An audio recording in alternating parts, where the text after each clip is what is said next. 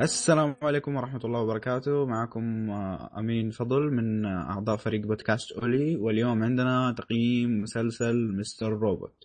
القصة بشكل عام عن مبرمج كمبيوتر شاب يعاني من اضطرابات اجتماعية وأشكال الاتصالات مع البشر بشكل عام يعني كذا نفسية كذا.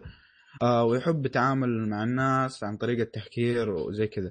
هو يشتغل في شركة حماية بيانات وفي يوم من الأيام شخص اسمه مستر روبوت يدير مجموعة هاكرز يبدأ يتواصل معاه لهدف معين. أبرز الممثلين هو اللي هو البطل يعني اللي هو اسمه رامي مالك. آه قد اشت... يعني ممثل صغير هو نوعا ما يعني ما قد اشتغل على شيء آه، كفيلم كهو بطل يعني. آه قد اشتغل في أفلام مثل Night of the Museum و Need for Speed بس بأدوار جانبية يعني. آه آه عدد المواسم هو موسم واحد ولكن بعد اتجدد أتجدد له موسم ثاني. عدد الحلقات تسع حلقات. حالة المسلسل يعني لسه مستمر. مدة الحلقة الواحدة 40 دقيقة.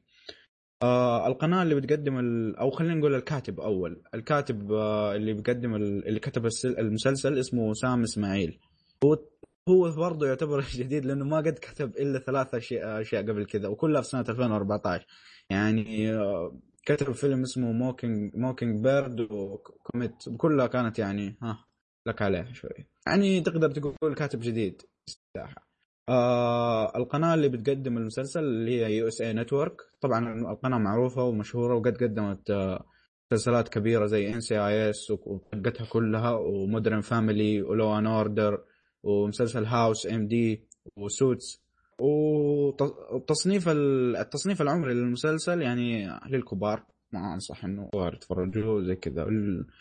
آه أبدأ في الإيجابيات. أول إيجابية عجبتني في المسلسل حسيت اللي هو البطل رامي مالك رغم إنه يعني ممثل متواضع لكنه أتقن دوره بشكل رهيب. الدور المجنون دور النفسية اللي ما يحب يكلم أحد كذا و...